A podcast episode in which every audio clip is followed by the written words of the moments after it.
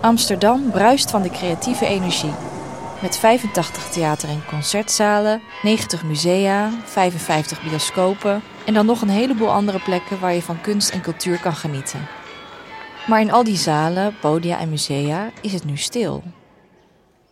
De bezoekers zitten thuis en de cultuurmakers ook. Wat doet dat met hun creativiteit? En wat kunnen we nog van ze zien of horen vanuit huis? Dit is Cultuurmakers, een maandelijkse serie waarin makers hun verhaal vertellen. Dit is aflevering 5 met muzikant Thijs Boontjes. Hoe gaat het met je? Ja, wel oké eigenlijk. Ik, uh, ik hou eigenlijk wel van nou ja, maar afzonderen in ieder geval. Thijs timmert flink aan de weg met zijn dans- en showorkest, wat eigenlijk gewoon zijn band is. Hij maakt Nederlandstalige muziek die het midden houdt tussen rock en het levenslied. Nou ja, ik mis het optreden, dat mis ik. Maar verder ziet mijn leven er best wel vaak zo uit. Gewoon hele dagen thuis zitten en uh, een beetje werken. Ik kan natuurlijk gewoon muziek maken, dus dat scheelt. Het enige wat ik wel vervelend vind, wat ik echt heel vaak doe, is gewoon s ochtends de deur uitlopen. En dan ga ik meestal loop ik zo uh, de Halemerdijk af en dan de Nieuwe Dijk op. Om nog wat meer drukte en ellende op te zoeken. Ik, ik ga er een soort van aanstaan of zoiets. Ja, dat kan nu iets minder in ieder geval. Op mijn beeldscherm zie ik Thijs op zijn bank zitten, in een zwart overhemd met een kop thee erbij. De muur achter hem is voorzien van een behang dat uit een koninklijk paleis lijkt te komen, met goud en donkerblauw. En buiten beeld staan Thijs instrumenten, vertelt hij me. En ik woon hier midden in Amsterdam bij de Halemerdijk. En ja, het is hier wel echt tot stilstand gekomen allemaal. Ik woon boven een koffiezaak, die is nu helemaal uh, leeg en verlaten. Dus het voordeel daaraan is dat ik wel tenminste in een soort uh, joggingpak toestand, mocht ik een joggingpak hebben, de deur uit uh, kunnen gaan. Want, want, normaal word ik dan een soort gekeurd door een hele modecommissie die daar bij die koffiezaak zit. Maar dat is nu niet het geval, dus dat is wel een voordeeltje. Ja, als ik zo om me heen kijk, er zijn hier wel heel veel huizen van mensen waarvan ik eigenlijk geen idee heb uh, wie ze zijn. Ik groet wel altijd veel mensen. Ik ken mijn overburen ken ik wel. Daar kijk ik zo recht naar binnen en zij bij mij.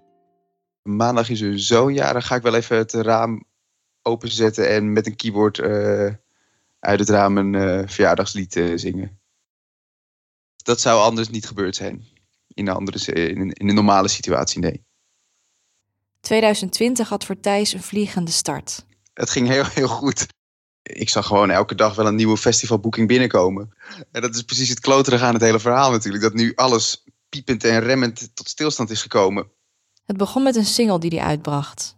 Het regent in Parijs. We kwamen dat liedje spelen bij 3FM. En bij 3FM vragen ze dan...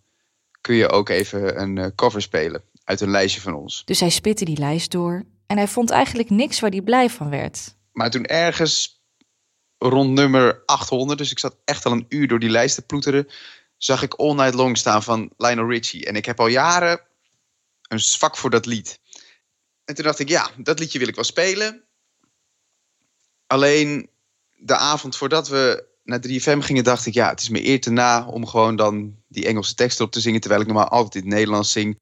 Dus diezelfde avond nog schrijft Thijs een nieuwe Nederlandse tekst op het nummer. En die was nog niet helemaal af. We moesten vroeg op, dus ik ging toch maar slapen. En om vijf uur stond de wekker. Ik zei tegen de gitarist, kan jij alsjeblieft rijden? Dan neem ik mijn rijmwoordenboek nog mee in de bus. En dan kan ik die tekst nog proberen af te maken. En vlak voordat we in Hilversum het Mediapark opreden... schreef ik nog dat zo'n... Een stukje in over het Rijksmuseum. Schreef ik dat nog op. En toen was het gelukkig op tijd klaar. Ja, dat is, dat is helemaal ontploft toen. Op het podium Thijs Boontjes. Vorige week gaf hij een optreden in de 3FM ochtendshow van Sander Hogendoorn... waar hij als extraatje een cover van Lionel Richie's All Night Long speelde. Dit is Thijs Boontjes met Deze Nacht. Compleet onverwacht. Dus toen hebben we snel alle zeilen bijgezet, hebben we het nog goed opgenomen. Als ik je aan de bar zie staan...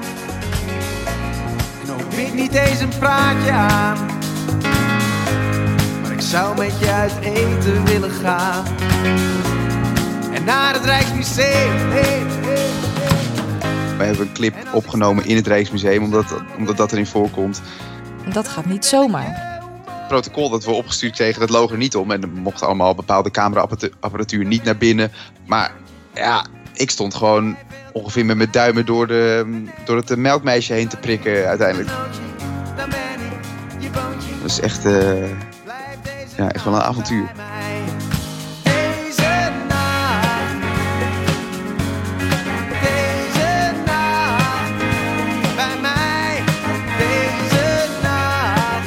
Al die leuke optredens mogen dan nu zijn afgelast. Vanuit de isolatie ontstond er toch weer snel een nieuw nummer. Thermopeen. Met een tekstflart die hij al langer in zijn hoofd had. Eh, of tenminste, het, het rijmding alleen en thermopeen. Dat vond ik heel erg kloppen bij het gevoel wat ik had van dat binnenzitten de hele tijd. En het had er ook mee te maken dat uh, mijn moeder was die week jarig geweest. En ik was wel langs geweest, maar ik, ja, die, die is boven de 60. Dus ik denk, nou, laat ik maar wel niet, uh, niet dat huis betreden in ieder geval. Dus ik heb bosbloemen neergezet en gezwaaid en gesproken. Terwijl er dubbel glas tussen zat. En zo kwam ik een beetje op het idee om, uh, om dat Thermopeen lied uit te breiden.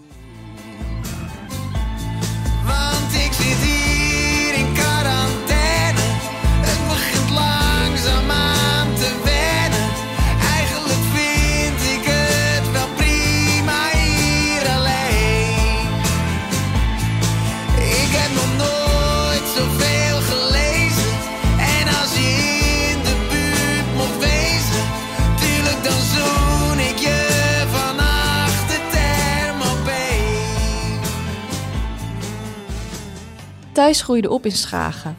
Bij zijn ouders, die zelf geen muziek maken, maar wel een jukebox hadden. Er, kwam heel veel licht vanaf. Het was een soort, ja, soort neonachtig gebeuren. Heel magisch. Want er kwam er zo'n arm, die pakte dat plaatje en dan, en dan begon die hele tombola te draaien met al die plaatjes erin. Die pikte dan weer de goede eruit als je op de goede knopjes drukte.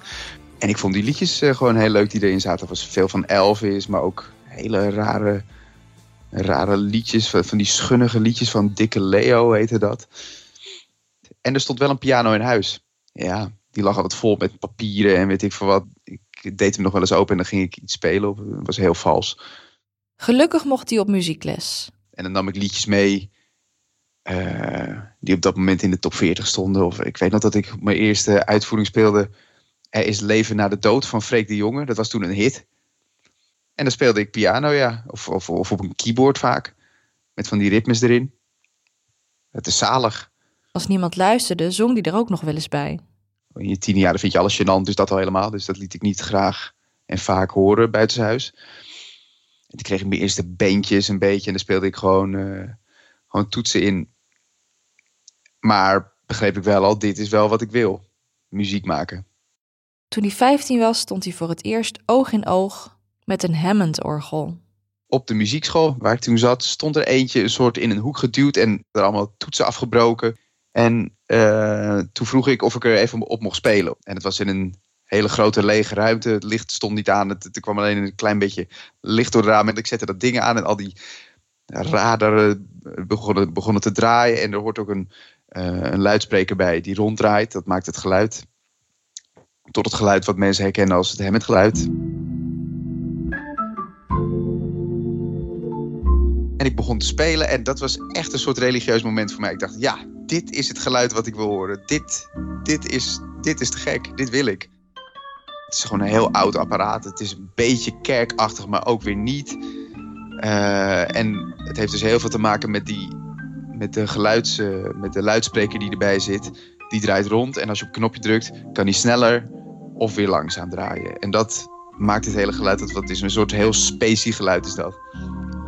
En vanaf dat moment was ik meteen verknocht aan het apparaat. En is die later op, opgelapt en wel eh, in mijn bezit eh, gekomen. Precies dat orgel.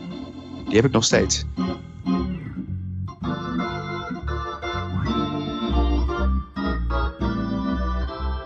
Thijs wil naar het conservatorium om sessiemuzikant te worden. Dus niet op de voorgrond. Ik wilde gewoon alleen maar orgel spelen. Omdat ik dat zo te gek vond.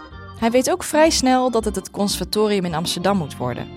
Eh, mijn broer is 4,5 jaar ouder. Die ging eerst al studeren in Amsterdam. En daar kwam, ging ik vaak langs. Dat vond ik natuurlijk leuk en spannend om dan dat leven al mee te maken. En dan liepen we door de stad en dan dacht ik, ja, dit is wel een spannende stad.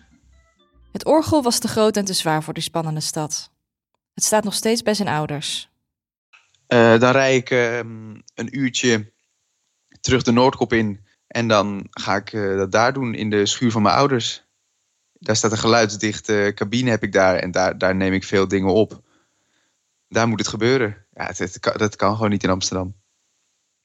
Tijdens en na zijn studie is Thijs succesvol als toetsenist. Dat heb ik best wel lang gedaan, alles bij elkaar. Ik denk, nou, ruim genomen dat ik dat tien jaar gedaan heb.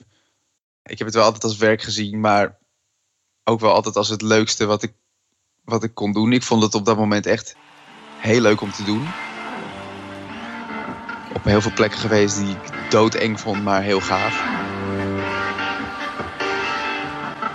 Toen hij net op het conservatorium zat, werd hij gevraagd om auditie te doen voor de nieuwe band van Anouk. En toen kwam ik daar te spelen. En al binnen drie maanden stonden we toen in de Gelderdoom. Had zij van die grote concerten. Ja, dat kon ik helemaal niet bevatten. En ik stond daar achter in die coulissen en ik hoorde zo'n intro-tape gaan. Nou, dan wordt het alles ook nog veel spannender. Het wordt ook lekker aangezet met alle lichten en weet ik veel wat, wat er eh, in zo'n stadion allemaal eh, bij komt kijken.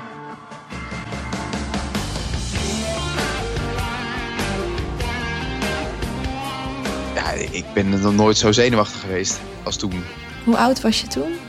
Eh 18. Ja, dat was dus veel te eng op die leeftijd eigenlijk. Ik weet ook eigenlijk niet of ik er wel klaar voor was. Het is goed gegaan allemaal toen. En het is gelukt, zeg maar. Je hebt geen blackout gehad. Nee, nee. En dat vind ik nog steeds eigenlijk een wonder. Hij kon zich geen ander werk voorstellen dat leuker is dan dit. Maar Als je dan de hele tijd bij mensen mee staat te spelen op een podium... dan denk je ook wel eens van... oh ja, hoe zou ik dit soort dingen doen? Wat zou ik doen als ik een nieuw liedje zou maken? Wat zou ik doen als ik op een podium zou staan? Hoe zou ik met het publiek omgaan? Allemaal dat soort dingen. Dat gaat allemaal wel een keer door je hoofd. En uiteindelijk, het, het- is toen een keertje geweest dat ik het niet zo druk had. Dat ik dacht van ja, ik zou nu wel een tijdje in een hokje kunnen gaan zitten, wat liedjes schrijven en gewoon kijken wat er gebeurt. En dat heb ik toen gedaan. Onbewust zat het al in mijn hoofd, want ik had een bepaalde smaak qua muziek, qua genre. En ik had een bepaalde smaak van wat ik goede teksten vind. Wat ik versta onder een fatsoenlijke Nederlandstalige tekst. Dus ja, ik dacht eigenlijk als ik die twee dingen combineer, dan krijg ik de muziek en de teksten die ik wil horen. Eens kijken of dat lukt. En zodoende was het eigenlijk best wel snel voor elkaar dat we de eerste dingen uit konden brengen. Dat zegt hij nou wel heel makkelijk. Maar zo eenvoudig ligt het nou ook weer niet. Het is gewoon heel eng om dingen uit te brengen. Dat heb ik nog altijd. Iedere keer als ik eh, nieuwe liedjes maak en, die, en ik weet dat komt eh, om 12 uur eh, vannacht op Spotify uit. Dat soort dingen, dan denk ik wel van, oh mijn god. Dat is niet minder geworden dan de eerste keer. Nee. Nee, misschien juist wel. Eh, Toen hing er nog niet zoveel van af in het begin. Was het meer zo. Ja, ik, ik speelde even goed nog bij andere muzikanten. Ik deed dit er een beetje naast. En ik had weinig te verliezen. En nu weet ik dat er bij al wat meer mensen dan een soort meldingje afgaat eh, van eh, oh, Thijs Boontjes heeft eh, iets nieuws uitgebracht dat, en die gaan het dan luisteren. Dat vind ik alweer een stuk spannender.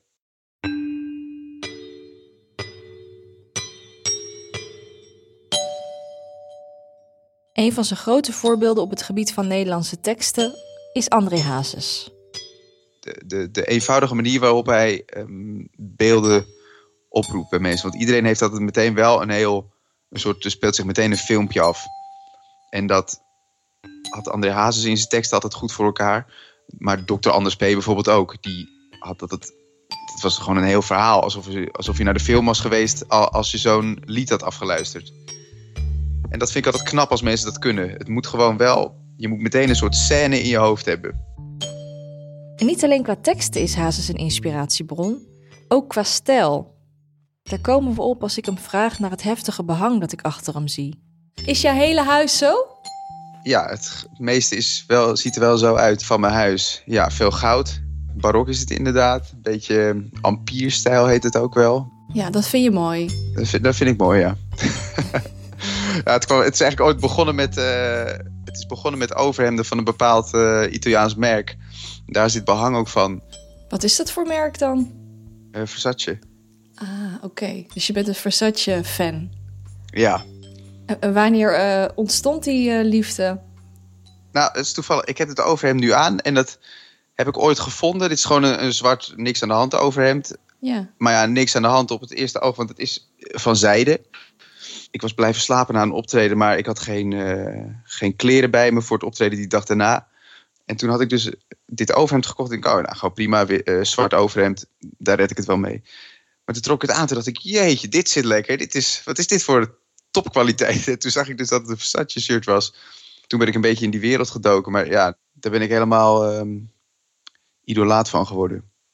Helemaal toen ik erachter kwam dat eigenlijk André Hazes dat ook eh, altijd heeft aangehad op het podium.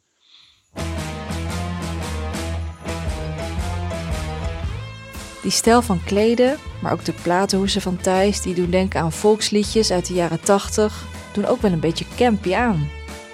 En hij zingt over de kermis en de karaokebar. Vindt hij dat nou echt leuk? Of is het allemaal ironie? Ehm, ja, ik vind camp altijd wel een moeilijk woord. Deels klopt het inderdaad wel. Alleen aan de andere kant ja, heeft het ook wel heel erg te maken met een bepaald sentiment.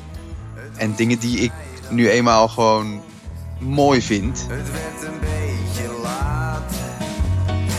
Mijn bloed begon te kruipen. Ach, u weet wel hoe dat gaat. ik ben van aard wel ironisch. Alleen inderdaad, het is geen grap. Het is voor mij geen grap wat ik maak. Het behang is een huisbewijs dat je tegelijkertijd ironisch en oprecht kan zijn. Weet je wel, het is best wel zo'n trend geweest dat iedereen een Versace-achtige blouse droeg en zo. Maar het was over het algemeen deden mensen dat wel puur ironisch. Of, en dan gingen ze naar een festival en hadden ze dat aan. Maar ik vind het inderdaad oprecht mooi.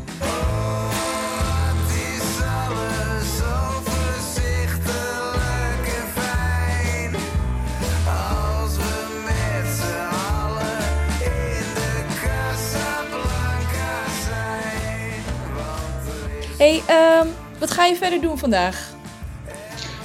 Nou, ik denk dat ik helemaal niks ga doen vandaag. Dat heb ik, daar heb ik dus echt zin in. Ik vind het, ehm, ik vind het wel lekker. Misschien ga ik wel mijn ramen lappen, bedenk ik nu ik naar buiten kijk. Even thermopeen verzorgen. Ja, thermopeenverzorging, heel belangrijk in deze tijden.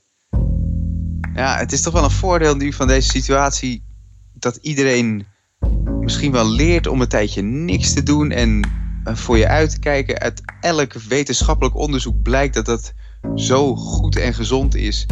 Eh, niet alleen voor je creativiteit, maar ook, eh, ook gewoon voor je hele gemoedstoestand. Om je soms te vervelen natuurlijk.